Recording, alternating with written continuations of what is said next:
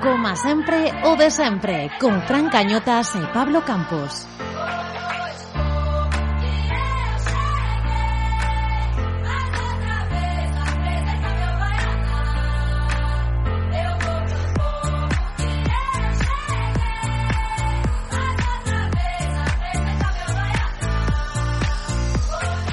Ola, moi boas, benvidos a este vixésimo segundo episodio do noso podcast celeste. Ándele, ándele, non mames, güey.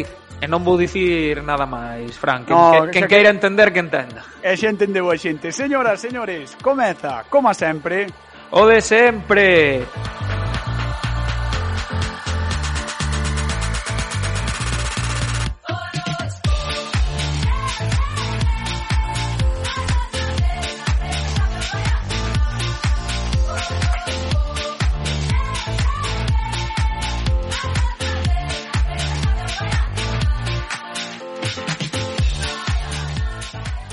Celta acadou un bo punto ante o Athletic Club en Balaídos facendo unha vez máis gala dun bo xogo colectivo. Santi Mina tivo a mellor oportunidade dos locais tras unha boa contra na que Brais Méndez puxo o balón á área pequena, pero o dianteiro rematou flouxiño, bueno, chegou aí forzado. Sí, chegou forzado e deulle tempo a Unai Simón a, a reaccionar. A reaccionar O Atleti tamén tivo as súas ocasións, Fran, a través de Villa Libre cun gran disparo que saca Iván Villar ou de Berenguer que tamén chega forzado a rematar e se marcha desviado o balón, ambos omnipresentes no ataque dos vascos.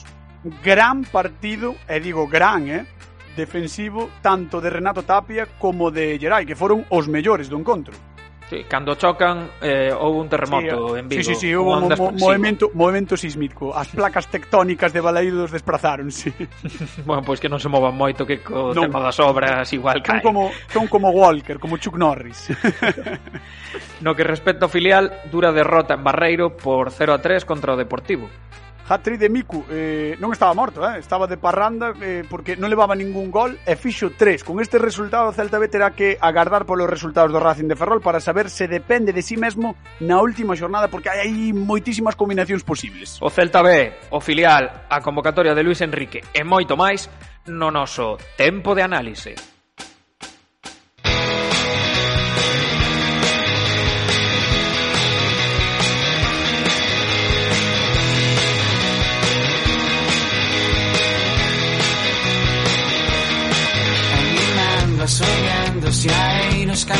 Correndo, correndo, xogando, chorando Xa sai o equipo, sufrimos contigo, comezo a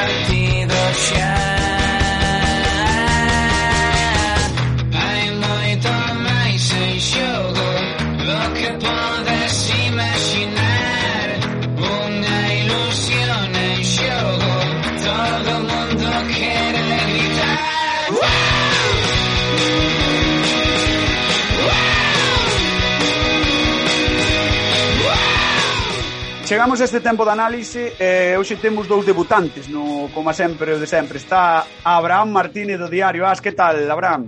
Hola, que tal, como estamos? Por aquí andamos, como sempre. Eh, Mosqui é xogador do Celta, eh, un dos comentaristas máis destacados do enxogo da televisión de Galicia. Que tal, Mosqui? Moi boas, Abraham, moi ben, moi boas a todos, Abraham, eh, Campos. Bueno, eh, supoño que teredes moitas cousas na cabeza ou, ou, ou moitas ideas sobre o Celta, como está, pero imos falar un pouco do, do partido contra o Atleti de Bilbao dese 0-0 que ademais os compañeiros da, da, da Televisión de Galicia eh, titulaban a, a crónica como bueno, un, un pasiño máis cerca, non un eh, máis cerca da tranquilidade. Eh, que, que titular vos deixou a vos, Abraham? Ah, un bo punto, non?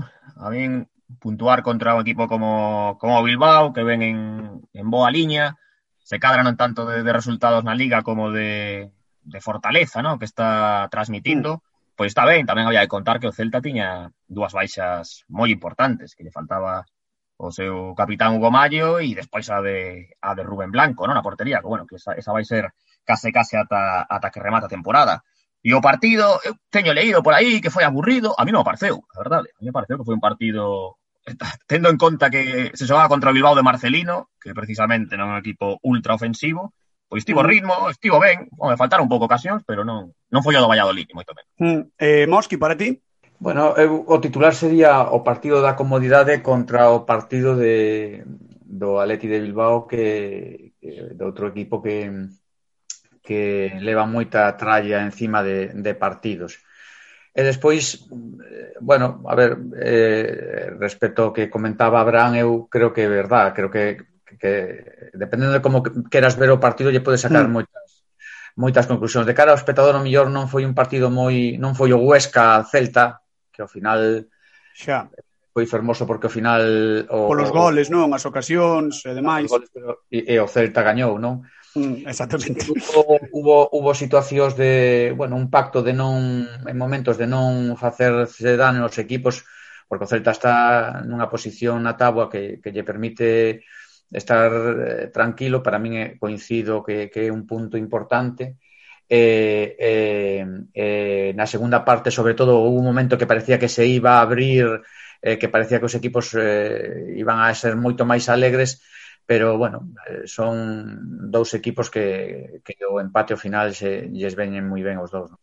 Falaba Abraham de que leu por aí, eu tamén o lín, de que o partido foi aburrido, pero eu vin os partidos anteriores porque viñamos nunha xornada na que, bueno, houbo 4 0 0 seguidos e a min non me deu esa sensación de partidos en ocasións aburridos, sobre todo, igual sí que a segunda parte foi un pouco máis máis densa, pero a primeira sí que tivo o seu xogo, o Celta xogou ben en tres cuartos de campo e incluso chegou a, a inquietar a Unai Simón, sobre todo cun, cun disparo de Santimina, non, Abraham? Sí, se, se non houve goles, eu non creo que fora porque non intentaran os dos equipos. Foi porque a, as dúas estrelas do partido foron dous xogadores de, de corte defensivo, porque estivo Tapia inmenso na, na recuperación, podría dicirse unha xornada máis, pero que esta a mí me pareceu xa a máis escandalosa de todos, porque con xogadores que son moi fortes físicamente. Moi físicos, sí, claro. Moi físico, como Berenguer, por exemplo, que está como unha moto, o tío metía o corpo ali e recuperaba balóns cunha facilidade pasmosa. E despois no Athletic,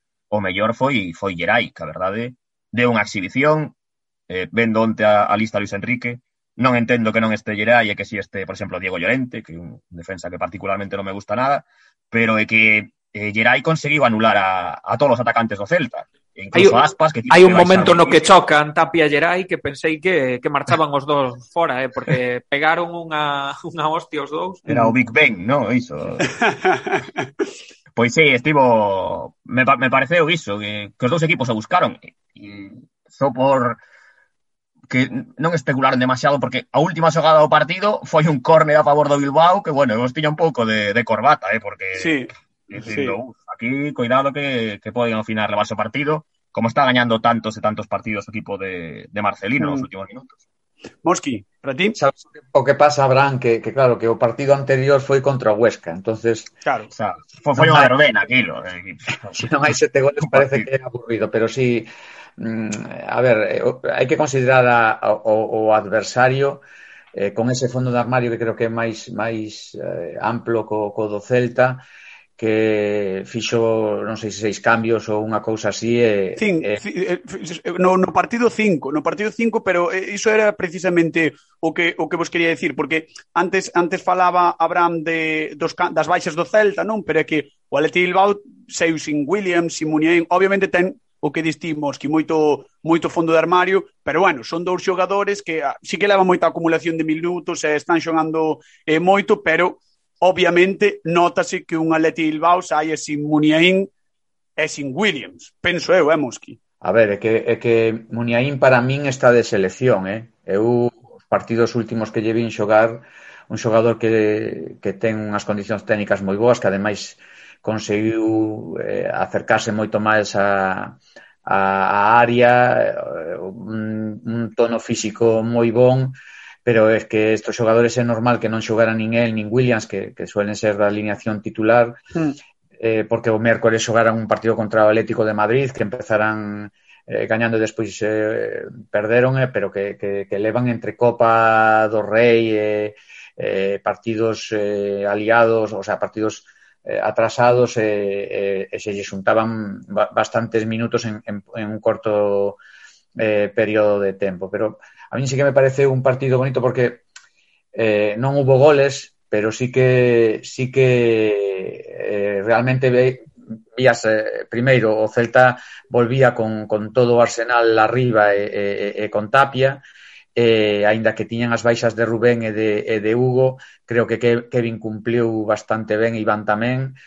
Eh, eh, bueno, eh, digamos que, esa, que, que este Celta, si, si falla Tapia e falta Iago, se nota moitísimo, vale? Pero, pero, pero creo que, que estos xogadores que entraron lle, lle axudaron para que non perderan ese nivel, non? Uh -huh. Xusto é, o, é o que íbamos comentar agora, sobre todo a baixa de, de Hugo Mayo, que estaba sendo un dos mellores xogadores do equipo de Coudet, porque é un dos grandes beneficiados do, do estilo de xogo que propón O arxentino, eh, sí que é verdade que Kevin cumpriu, sobre todo con moito mérito despois de levar moitísimos meses lesionado, vimos esa, ese vídeo no pospartido no que, bueno, non podía conter a emoción e incluso eh, escapábanse algunhas vaguas ao defensa eh, do Celta, pero sí que eu notei que, que en ataque faltoulle esa, esa chispiña, esa, mm, ese facer dano que sí que ten Hugo Mayo chegando a, a liña de fondo, centrando, e, eh, bueno, eh, asociándose sobre todo tamén moi ben con, con Bryce e con Iago, non, Abraham? Sí, é normal, tamén porque é que Mayo, desde que chegou Coudet, está sendo un dos mellores atacantes do Celta, eh?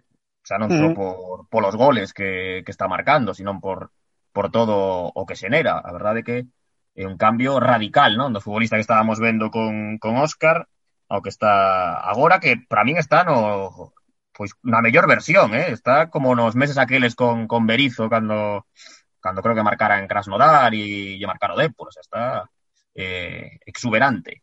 Pero e Kevin, bueno, é, é un é un lateral pois de, de menos percorrido, digamos, pero bueno, estivo moi ben, pechou a súa banda, anulou a Morcillo e, e, e superou a prova. Eh, 34 puntos, 11 máis que o Alavés, eh, eh, que é o equipo que marca agora mesmo o descenso, e a 6 do Villarreal, que é o sétimo esa praza de, de bueno, dese de novo torneo europeo que vai haber. Eh, credes que o Celta vai vivir un, un final de temporada demasiado tranquilo ou non, Mosqui? Eu comentaba outro día no xogo que que, que o Celta, o que pasa que ven de, de dous anos moi malos, non? Entonces, hmm ninguén quere falar de, de algo máis. Eu, eu non creo que o Celta teña que ir a, a, a meterse en Europa, pero sí que, que ten que ter a idea de que se si gaña dous partidos eh, pode ter esa motivación, porque realmente se si se queda aí en, en, en, un pouco en, en terreno de, de ninguén, pois, eh, bueno, son esos finales de liga que non lle gustan a, a, a nadie de, de, de, mm de que non te xogas nada, eh, eu creo que non vai a, a, a sufrir salvo que sea unha catombe de, de lesións ou algo así, porque sigo pensando que o Celta lle falta fondo de armario, pero creo que, que, que sería bon que quedan moitos puntos por, por disputar. O Celta está nunha posición moi boa, eu creo que con oito, nove puntos xa ten a, a salvación asegurada Eh, eh, e, e bueno, ao mellor é o momento de, de pensar en gañar esos dos partidos e pensar en algo máis, non? Mm, unha vez, unha vez máis, sumar non os puntos e despois xa xa, xa se verá. E para ti, Abraham? Sí, eu creo que a permanencia ten a o 80, 85%. Eh? Os da baixo, eu lle vexo moitísimos problemas. Sí, para, sobre todo vendo os da baixo. Mm. Home, sí. ten 11 respecto ao descenso, eh? agora sí. mesmo. Hai, hai equipos como Alavés, o, o Eibar, o Elche, que para sumar 11 puntos mantelo realmente sí. complicado porque o Huesca mismamente xoga moi ben, pero ten 20 tamén ou 21, o sea que Sí, pero o Huesca é un equipo que xoga aí bastante kamikaze, entón ese non, non os descarto que, que poidan gañar partidos, pero que os dous vascos, por exemplo, están están moi moi frouxiños e realmente eu creo que o Celta non non ten opcións de, de meterse en Europa. Eh, se tiña algunha a baixa de Rubén Blanco, eu creo que ao final pode pasar de factura en algún en algún partido e aburrido non vai estar porque ao final sempre hai emoción, tamén vai ser medio suiz da Liga, non? Esta semana co Madrid, despois ten que xogar co, co Barcelona e, e hai pasta en xogo, eh? que agora non é o mesmo en primeira quedar o, o 15 que o, que o oitavo. Uh -huh. Tamén eh, moito criticamos eu eh, aquí eh, boto, boto unha pedra contra o meu tellado porque moito critiquei a temporada de, de Unzué esa cando o Celta pasou gran parte da tempada en, en terra de nadie pero vendo as últimas dúas eu casi prefiro que, que o Celta se salve tranquilamente, que quedan moitos puntos, que ten 34 con 6 puntos pode prácticamente salvarse porque o descenso agora mesmo está en 23 entón eh, eu creo que o celtismo tamén agradecería unha temporada un final de liga tranquilo, non Mosquito? Home, é que eu creo que si o Celta salva a tempada se considera unha boa tempada despois dos dos últimos anos e sobre todo do, do último ese partido no, no campo do Español, ese, Uf. esa acción que tivo o do Leganés, eh, eh, bueno, a verdade... Esa mau, esa mau. non yo desexo... Ese Jovic eh. que nos quería mandar a segunda, pero bueno. Uf, eh, sí. a verdade que, que, que eu dende o principio eh, decía que o Celta vendo que estaba a pasar a, que iba a pasarlle eh, o mesmo en, en canto a sufrimento que, que iba a ter hasta o final. Foi capaz de, de, de facer un mes de, de decembro espectacular, gañando, me parece que cinco partidos, eh, e que lle permitiu dar un colchón. Creo que o partido contra o Valladolid non perdelo foi, foi moi importante.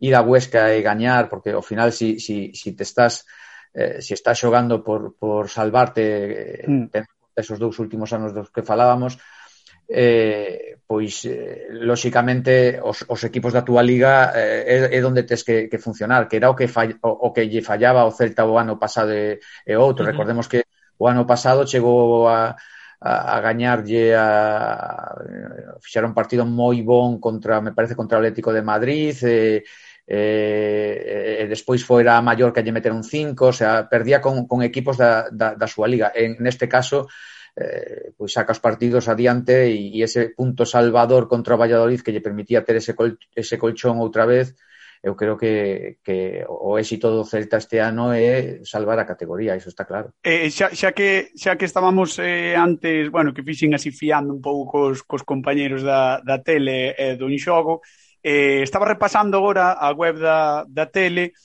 eh, a convocatoria de Luis Enrique titulana como Aspas non conta para Luis Enrique. Claro, obviamente levamos con tanta campaña sempre desde, desde pois os medios galegos e, e a xente que, que lle gusta o fútbol galego co de Aspas selección que eu realmente, a pesar de que estes últimos partidos non foi goleador, que, pero foi asistente o sea, é, evidente, é evidentísimo que, que a trascendencia que ten no xogo do Celta é brutal Aspas eh, chamouvos a atención que, que non o chamara vistos os cambios que houve na convocatoria, porque todos estaremos de acordo en que houve eh, cousas moi, moi, moi raras, pois, por exemplo, o tema de Eric García eh, como central, un home que leva sen xogar desde febreiro, que non entre, por, pois, por exemplo, por poñer un exemplo, Mario Hermoso do, do Atlético de Madrid, que me parece un, un xogadorazo. Eh, que convoque o, o, a Diego Llorente, que leva máis Diego partidos Llorente, co sub-23 do Liz que co primeiro es, equipo. Exactamente, o, te, o tema de, de, do porteiro do Brighton, eh, non sei, eh, que non vai algo, Angeliño algo raro. tamén, por exemplo. Exactamente, Algo, algo raro, Abraham. Bueno, é Luis Enrique, ¿no? Son sí. as cousas de, de Luis Enrique. Aquí o coñecemos ben, ¿no? Puxo a, a Toni do Vale de lateral esquerdo durante unha volta inteira, eh, subiu a Costa sendo juvenil, sí. eh, pois agora pois leva un porteiro do Brighton, que leva 18 partidos na Premier, leva a Brian Hill, bueno, pois a min o de Aspas non me sorprende que non o leve. Eh, eu considero que que Aspas debería ser un fixo na selección, pero fixo eh, como titular incluso. Eh? Eh, pero si, si, si o vas a ter para para tratalo como un xogador que o levas así para darlle cinco minutos, pois pues mira que non que non o leve, porque é unha cousa que claramente aí a Aspas se penaliza xogar no Celta, porque noutro país un futbolista pues sí, que leva dado. É, eh, en outro, en outro equipo. Sería indiscutible. Sí, sí, sí, sí, sí. E para ti, Mosqui, que coñeces ben a Casa Celta, e igual coñeces ben incluso a Aspas e saberás como está, pero, pero bueno, contanos, contanos como biches ti esta convocatoria. A ver, eu, eh, eu dá má sensación que eu vexo un Luis Enrique antes de, de adestrar o Barça e despois de adestrar o Barça. Ese Luis Enrique que tivo un problema con, con un peso pesado como é Messi eh, no campo da Real Sociedade. Mm. E a partir de aí eu creo que que hai unha cesión de, de Luis Enrique eh, de, porque Luis Enrique ten un carácter e un temperamento que, que non se calla con, con ninguén, non? entonces eu creo que, que prefire evitar a este tipo de, de, de xogadores, pero lóxicamente ese tipo de xogadores, de xogadores que xa levan anos, que teñen unha experiencia grande, eu creo que, que os tes que ter en conta. De feito, eh, é capaz de traer a, a xogadores que, non sei, non hai unha consistencia no, mm. no Non hai unha liña, non, non hai unha liña eh, clara. Eh, bueno, sí, a liña das sorpresas. Claro, como dicindo, aquí pode vir todo o mundo, pero sí. eh, eu creo que eh, por exemplo, Luis Aragonés foi capaz de, de facer un, un equipo e darlle continuidade, que senón hmm. eh, cando, cando lle vas a dar continuidade. En, eh, no caso de Iago Aspas, eu tamén coincido, é que resulta que hai, hai xogadores que, que fan moito menos o a mitade do que fai Iago, eh, banca gorra para a selección. Iago eh, sempre tivo que nunca tivo fácil as, as súas eh, o, o seu mundo convocatorias, si, si, as convocatorias tampouco. É sempre que tivo que como currar moito, non? Claro, é verdade que ten un temperamento que é Iago, eh, pero Iago é así, non o podemos cambiar, se pode reconducir, eh, eh, pero é a xencia que ten que ten Iago, pero se si nos damos conta Iago foi á selección, fixe un partido contra Inglaterra que o sacan na segunda parte, revoluciona o partido. A partir desde aí empezan a contar con el. E despois o que está facendo Iago na, na, na Liga Española a mí me parece algo, pero o sea, a incidencia que ten Iago no Celta é que é moito máis que, que Messi no Barcelona. Eh, se chegan a ese tipo de comparacións. Eh, entonces eh, eu non, o sea, eu estou seguro que que si Iago non se lesiona eh, e non levan a, a Iago, bueno, xa sería a repera, pero pero Iago a, a, a lesión se aproveita un pouco para, para como non está agora marcando, pero para min Iago é que, é que é un xogador... Sí, pero é que faiche dúas, dúas asistencias por partido ou, ou pase que precede unha asistencia, é, e claro, ademais, eh, claro, resulta que, que Gerard, Gerard Moreno, Gerard Moreno sí que vale para iso, e Aspas non. Sabes, quero dicir, Gerard, eh, eh, Moreno tamén tamén está nun momento... Sí, é un animal, é un animal. Pero, oh, sí, pero, sí. pero Iago Aspas é, é un xogador que está no campo e é capaz de... Eh, porque moitas veces os adestradores eh, facemos un, un, un plan de partido, temos o, o, noso, o noso equipo, facemos un plan de partido, despois eh, xogas contra un rival e aí é onde veñen os problemas, non? E lle pasou a Luis Enrique en algún, en algún partido de, de algún cambio e, e ver que a selección é, é, é outra. E cando te xogadores como Iago, é todo moito máis doado cando o, o rival te sorprende con algo, porque Iago é capaz agora de, de entender onde pode facer dano, porque agora mesmo non é un xogador que marca, pero un xogador que, que dá moito, e pode retrasar a súa posición, o sea, vai, vai vendo onde pode, onde pode, onde pode facer dano, ¿no? entonces eso solo cho dá a experiencia, creo que que eu a Iago o aproveitaría o máximo posible porque lógicamente vai llegar, vai chegar un momento que, que caeda que, que vai tendo que vai que vai ir baixando, non? É unha falta de respeto para min polo que pasou no último Mundial, que foi o mellor xogador de España, deixando a Marse mm. que fallara o penalti, porque aparte tivo que asumir a, a responsabilidade, pero que nos partidos nos que España estaba dando pena, saiu Era él, a, a mm. revolucionar o equipo. E iso non se tivo en conta, porque claro, como é Iago Aspas, pois, pois da igual. Claro, é que había, una... habría, habría que velo se si fose nun, nun, equi, dun equipo grande, non? Por decirlo así, dicías Campos. No, que vou dicir unha opinión controvertida vendo a convocatoria de Luis Enrique. Luis Enrique só leva un lateral dereito que é Pedro Porro sí. a, uh -huh. bueno, excepción de que queira xogar con Marcos Llorente de carrileiro ou de lateral dereito, pero lateral dereito como tal só leva a Pedro Porro. Visto o nivel de Hugo Mallo, non me parecería tampouco unha tolemia que fora o xogador de Marín convocado con España. Sí, pero, pero eh, a cousa é, se non vai aspas, vai ir Hugo Mallo.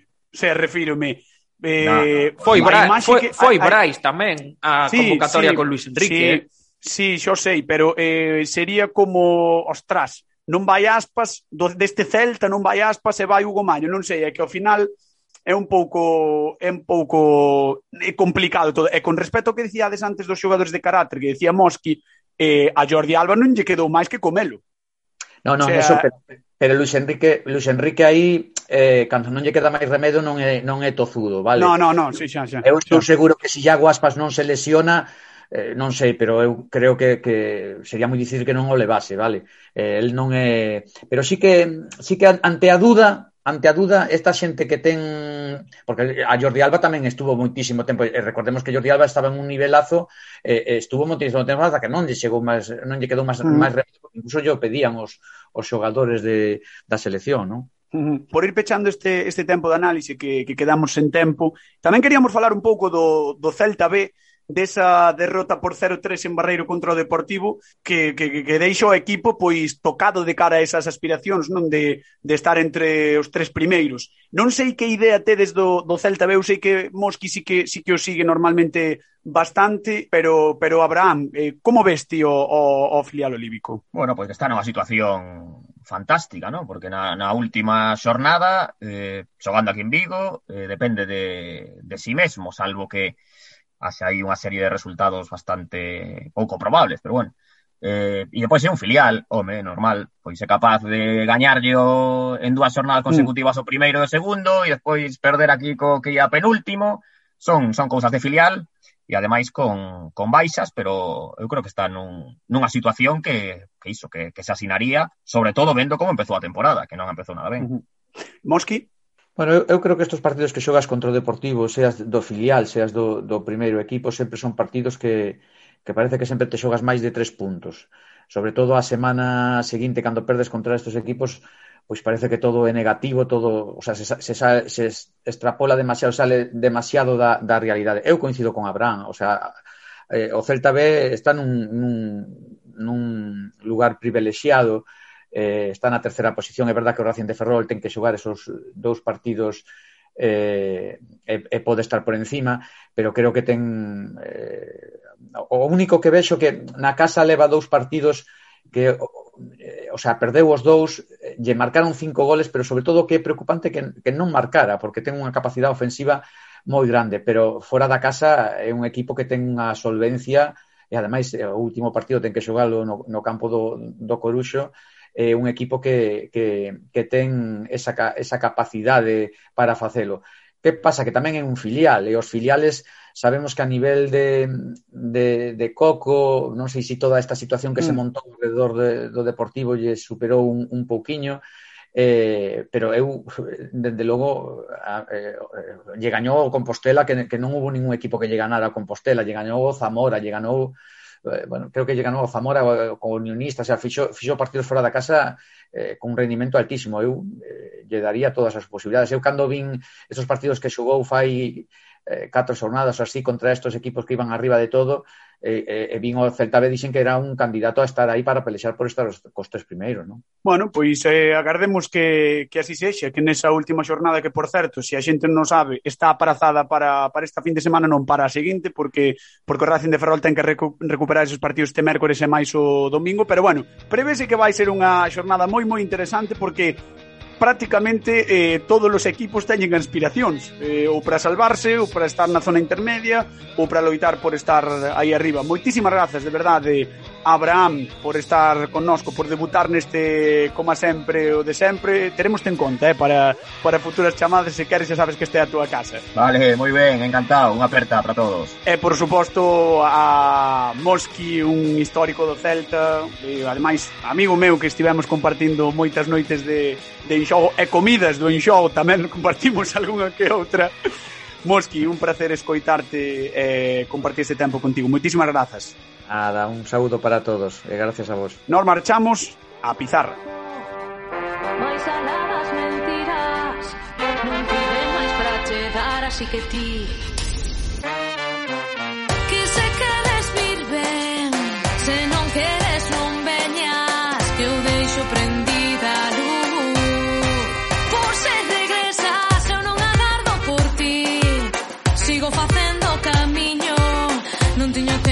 que perder. E de ninguén preciso.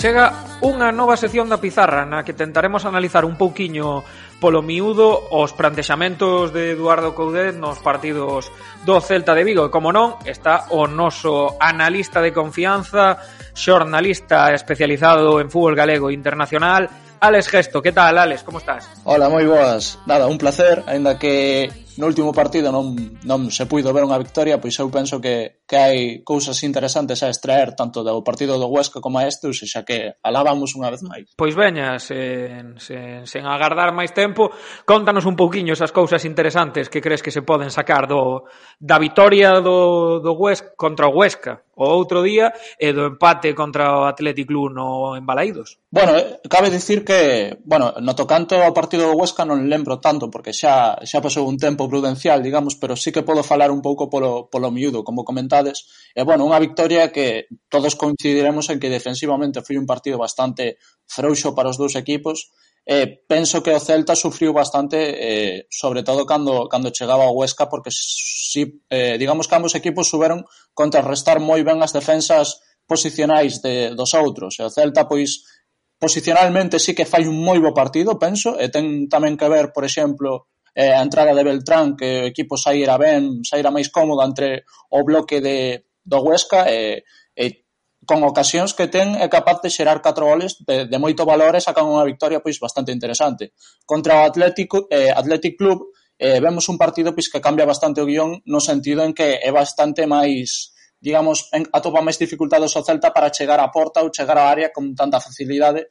Eh, é algo que lle sucedeu contra outros equipos, pois eh, o Athletic Club, eh, un equipo de Marcelino, Marcelino sempre plantexa esas defensas posicionais bastante ordeadas, eh, pouco agresivas, que saltan pouco polo home e apostan máis por orden e, e manter, digamos, a estructura do bloque e que sexa eh, bastante, mm, digamos, que non conceda perigo, que non teña fugas e que sepa replegar xunto, moi xunto, para ter homes próximos á área, pois o Celta non supo non tivo, non tivo a capacidade eh, a semana pasada de desaxustar o, o bloque de, de Marcelino do Athletic Club e ademais o Athletic Club pois, certos problemas e xerou por momentos eh, ao contraataque que é algo que tamén ten moi traballado o Marcelino nos seus equipos.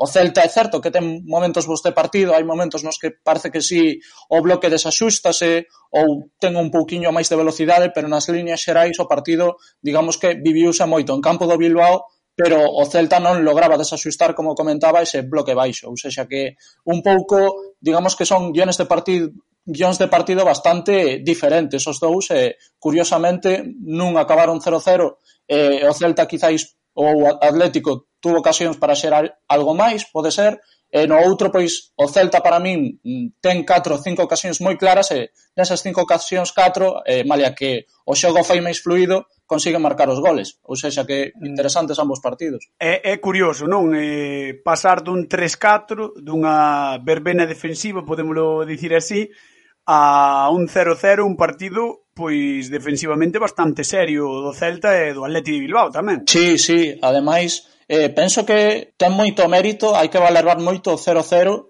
no sentido do, do precisamente da, da boa labor defensiva do Celta, porque topaba contra un equipo que eh, está traballado moi ben nestes escenarios fora da casa para contraatacar e para facer dano en 4 ou 3 pases. Eh, ademais, o Celta xa sabemos que non ten quizáis os centrais ou as características defensivas máis propicias para defender as costas ou defender con espacios e aínda así pois os centrais estiveron bastante correctos, Tapia fai un moi boi partido e Iván Villar pois tampouco tivo que intervir tanto, quizáis como contra o Huesca, pero non desentona e fai tamén un bo partido e o Celta pois ao final logra sacar un empate ante un rival moi competitivo. En Huesca pois sí que vimos máis problemas eh, tamén pola lesión e, e por outros temas, pero penso que, que é moi interesante o 0-0 sobre todo a semana pasada, por falar un pouco do que, do que temos máis fresco, precisamente por iso, porque o Celta logra sacar un 0-0 contra un rival que igual en, en outras condicións ou en outros escenarios anteriores ou terá perdido o partido por un 0 ou incluso hubiera sufrido como, contra, eh, como sucedeu contra o Valladolid, que pode ser un escenario partido de, de bastantes semellanzas, ou sexa que interesante a valorar ese punto tamén. Uh -huh. Falamos case todas as semanas de que Hugo Mayo está nun gran momento de forma, no que está xogando moi ben con Eduardo Coudet. Onte, bueno, onte non, Antonte, notouse a ausencia de Hugo no terro de xogo, aínda que Kevin eh, xogou un gran partido en tarefas defensivas, eh, cumpriu bastante, non non aportou esa, esa chegada á área contraria que sí que ten Hugo Mayo. Sí, eh, estou de acordo, e ademais penso que o contexto fai que se notase aínda máis eh, a, a ausencia de, de Hugo por, digamos, iso, polas características do encontro e como estaba a desenrolarse. Eh, Kevin Vázquez, como comentades, eh, eu estou tamén de acordo niso, fai un partido defensivo moi bo. E, eh, bueno, é algo xa a, a que nos ten acostumbrados cando sae e cando participa no, nos partidos, pois, adoita ter un bo rendemento a nivel defensivo e, e funciona moi ben, é un rapaz dende logo que denota esforzo de traballo e sempre que sae, pois máis ou menos cumpre ou incluso fai un bo papel como foi neste caso.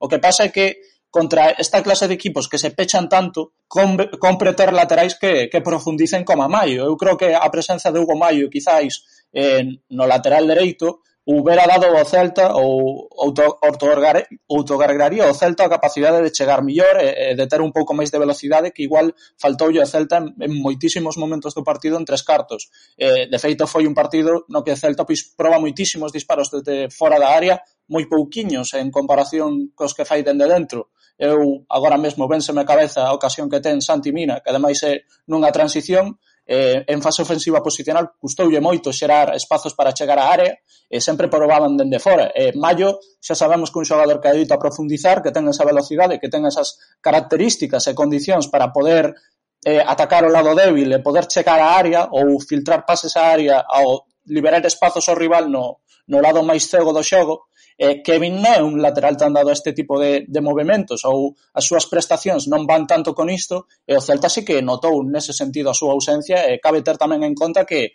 cando Maio está e está ben agradece moito o Celta telo nestes contextos de partido porque ao final moitas veces é o xogador que asiste ou que dá o pase anterior a asistencia ou que é capaz de atacar ese espacio e precede a un centro ou a algún balón que poida dar lugar a unha ocasión de gol. Hmm, eh, falamos un pouco do, dos cambios. Que crees que pretendía Coudet? Porque parecía como que moveu moi pouco a idea de xogo, non? Ferreira, Fran, Solari e Idu foi cambio de home por home, realmente. Sí, eh, eu penso que, bueno, son cambios que adoita facer Coudet. Coudet igual pretendeu, eu penso que máis ben pretendía darlle descanso aos homes que podía ter en, no campo máis máis cansos. No caso de Aidu, pois Araujo tiña molestias, así que sustituíno por iso, pero eu penso que con Solari e, e Beltrán son cambios que adoita facer ou cambios que son normais e cambia cromo por cromo, home por home, máis ou menos perfil por perfil, e o que busca igual é darlle algo de, de, de aire ao equipo para o que poda chegar con, con máis forza ou con máis vitalidade a campo rival. Neste caso, pois, xa vos digo, o escenario era complicado porque Athletic Club cerreuse moi ben en campo propio, e penso que igual eh, o cambio houbera sido máis necesario, pois, mira, o cambio de Ferreira, por exemplo, sí que un perfil que podía parecerme interesante para ese contexto de partido, cando o Celta estaba sentado en campo rival, o Atlético estaba cerrado con nove dez homes preto da área, pois para ter un rematador máis nato que, que Mina, quizás, e eh, que teña máis capacidades por arriba ou de remate a primeiro toque, pero non lle saiu, eh, o Celta tamén creo que ten moito que ver os cambios que fai o, o Athletic Club co que eh, se lle presenta o Celta no partido, porque o Athletic Club o cambio que fai o descanso ou preto do descanso, agora non lembro, é Muniain. E Muniain, digamos que o que lle estaba a faltar ao Athletic era esa comodidade en fase ofensiva para poder ter tamén el, a pelota. E penso que No segundo tempo o Athletic eh, chega a ter máis pelota, chega a sentirse máis cómodo co balón e frena un pouco tamén a inercia en certos momentos do Celta que estaba a ter no primeiro tempo por iso, porque precisamente sabe frenar un pouco o partido, incluso xerar algunha ocasión mediante esa posesión, eh, o cambio do Athletic digamos que foi máis influente que o do Celta. Eu Coudet penso iso, que a oposta de momento estaba a sair ben no primeiro tempo e preferiu non cambiar demasiado o debuxo, xa que é o que lle dá éxitos ao final e o que lle está a funcionar e intentar darlle un pouco de aire. Non saiu, ademais topouse con ese condicionante do, do cambio de dinámica que tivo o Athletic e ao final chegou un pouco partido e como estaba 0-0, os dous equipos defenderon ben, os dous equipos non tiveron malas ocasións de ataque, pero non foi suficiente para criar un gol, e, e así. Pois moi ben, e despois desta extensa crónica de Alex Gesto, miramos un pouquiño de cara ao futuro próximo do Celta de Vigo, xa que xogará en Balaídos o sábado ás 4 e cuarto contra o Real Madrid. Como crees que o Celta lle pode facer dano ao equipo de Zinedine Zidane? Eh, eu penso que, bueno, xa o mostrou no partido de, de Valdebebas na ida, eu penso que novamente Coudet vai ser fel a, a súa proposta e, e penso que ten se ten sorte, bueno, sorte non, se plantexa ben, eh, logra, digamos, com, axustar eses mecanismos e ese xeito de xogar tan particular que ten o Celta para xerarlle dano ao Madrid podería facelo. O clave penso eu que vai ir máis e o vimos tamén en Valdebebas pola salida de balón que poida ter o Celta e que o Madrid non lle consiga cerrar esos primeiros pases en que o Celta chega a campo rival e poda desaxustar a defensa onde xa ten demostrado a miúdo que se rompe a un rival ben plantado pois pode chegar e facerlle dano. E tendo a Maio recuperando algunha que outra peza pois penso que o Celta pode chegar en boas condicións para iso, para plantexar un bo partido e facerlle daño ao Madrid como, como xoga o Celta. Así que iso, será un partido interesante, maleia que a dificultade é a que ao falar dun, dun equipo das, das dimensións do Madrid. Pois, Alex Gesto, moitísimas grazas por estar no Como Sempre de Sempre. Veremos que é o que pasa o sábado ás 4 e cuarto da tarde, porque o partido promete, eh? Atreveste cunha porra. Eh, bueno, eu non son moi de porras, pero veña, vamos. Xo sei, por, por iso digo.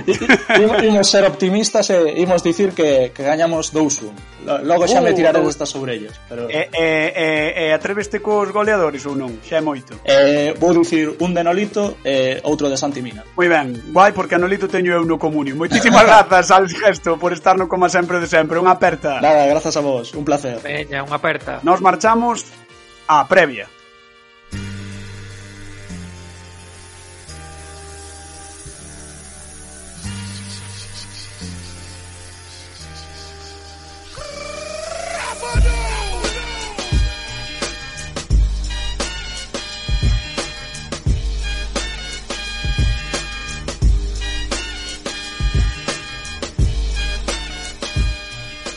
xogará por segunda semana consecutiva en Balaídos, esta vez o sábado ás 4 e cuarto da tarde contra o Real Madrid. Xuiz, eh? Pode ser xuiz o Celta. Pois sí, os de Zidane chegan a Vigo na pelexa pola Liga, mentres que os de Coudet tentarán engancharse aos postos europeos cunha vitoria. O adestrador francés non poderá contar seguro por lesión nin con Carvajal, nin con Hazard, nin con Mariano, e veremos se chega o Driozola. Ollo co tema Hazard, eh, que eso, madre mía, dá, dá, dá para un podcast a maiores. Sí, ata se inventan, eu li en Twitter que ata se inventan partes do corpo que non existen para pa xustificar as lesións de, de Hazard. Sí, sí, sí. Nunca se lesionara nesa parte, é a mítica, non? Esa parte do corpo. Bueno, no que respecta ao Celta, eh, volta Hugo Mayo despois da acumulación de tarxetas, eh, quitando a Rubén, veremos se eh, Coudet eh, saca o seu once de gala. Uh -huh. eh, se falamos do filial, eh, este fin de semana hai descanso por mor dos partidos adiados, mañá xógase un importantísimo Coruxo Racing de Ferrol e o domingo os ferrolans eh, mídense ao Guijuelo na Malata. Dos resultados do equipo verde dependerán as contas da última semana. Uh -huh, correcto. Eh, estaremos tamén pendentes do que faga o Real Madrid na, na Champions League porque non sabemos se chegarán todos os xogadores, se pode haber algún tipo de lesión ou se fará rotacións Zinedine Zidane. Señoras, señores, ata aquí chegou o como sempre, o de sempre, o 22 xa, eh? dende outubro, dende un parón de seleccións, chegamos prácticamente a outro. Vémonos, xa saben, como sempre, a semana que ven. Chao, chao. Veña, ata a próxima. Como sempre, o de sempre, con Fran Cañotas e Pablo Campos.